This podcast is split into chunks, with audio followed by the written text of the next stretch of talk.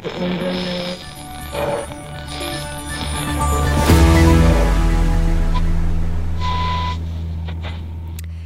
och välkomna till 6 minuter, en nyhetspodd i kortformat från tidningen Arbetaren, där vi kort sammanfattar den gångna veckan.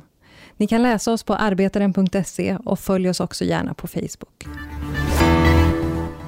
Kritiken mot det så kallade hälsoschemat inom vården som införts på många håll runt om i Sverige fortsätter att växa. Samtidigt kommer allt fler berättelser om undersköterskor som gått in i väggen och vårdpersonal som säger upp sig i protest. Så kallade hälsoscheman är ett sätt att uppnå heltid som norm och har införts i många kommuner och de innebär bland annat kortare och fler nattpass och mer helgjobb. Susanne Svensson arbetar som vårdbiträde på ett demensboende i Bromölla. Hon är irriterad över den nya schemaläggningen. Hälsoschema, det är ohälsoschema. Vi ska jobba kortare pass och fler pass, sämre återhämtning än när vi fick lägga dem själv. Det är absolut inte hälsosamt. Det säger Susanne Svensson till Arbetaren.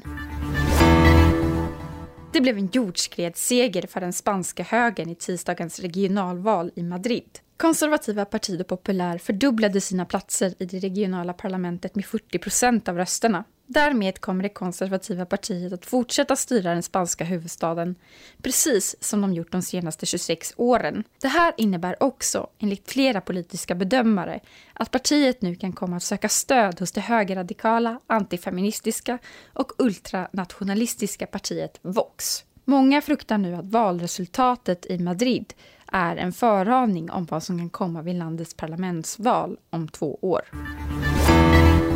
I samband med första maj har en ny kampanj lanserats som ska samla vårdarbetare runt om i landet och knyta samman kamper inom vården. S-bar är den kommunikationsmodell som används inom vården för att överlämna information om en patients tillstånd på ett snabbt och effektivt sätt. S står för situation, B för bakgrund, A för aktuellt och R för rekommendation. I den här kampanjen används SBAR istället för att beskriva vårdarbetarnas situation och på hemsidan sbar.care kan vårdarbetare skicka in sina vittnesmål och få dem publicerade i olika format. Projektet är finansierat och utformat av SAC-syndikalisterna. Senare i höst kommer också en tvärfacklig omvårdnadskonferens att äga rum som syftar till att samla vårdarbetare oavsett facklig tillhörighet från hela landet. Arbetaren har sjuksköterskestudenten Sara Liss Degerhammar som är initiativtagare till projektet tillsammans med sin kollega Sarah Kim.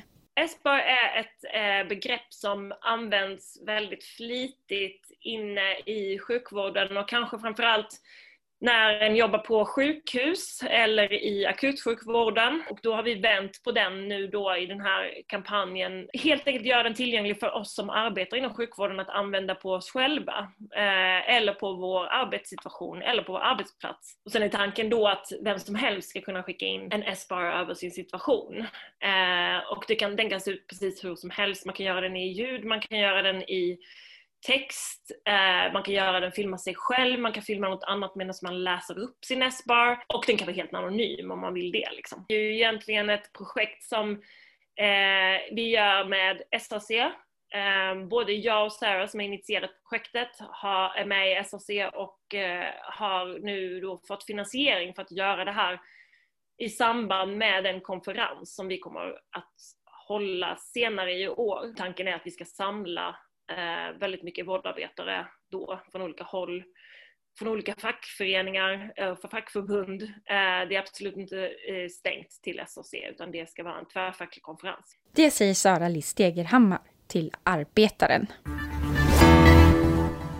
För de boende i skandalhuset Kinesiska muren i Malmö har drömmen om bostaden som en bra investering och ett tryggt boende blivit en mardröm. Nu har fem tidigare styrelseledamöter från byggnaden åtalats för ekobrott. Byggnaden är sedan många år misskött. Två av bostadsrättsföreningarna har en lång historia av ekonomiska oegentligheter och den här veckan började de som har protesterat genom att sluta betala avgifterna till föreningen att vräkas. Arbetaren var på plats vid det som skulle ha varit den första vräkningen, som dock stoppades i sista stund när familjen lyckades ansöka om anstånd.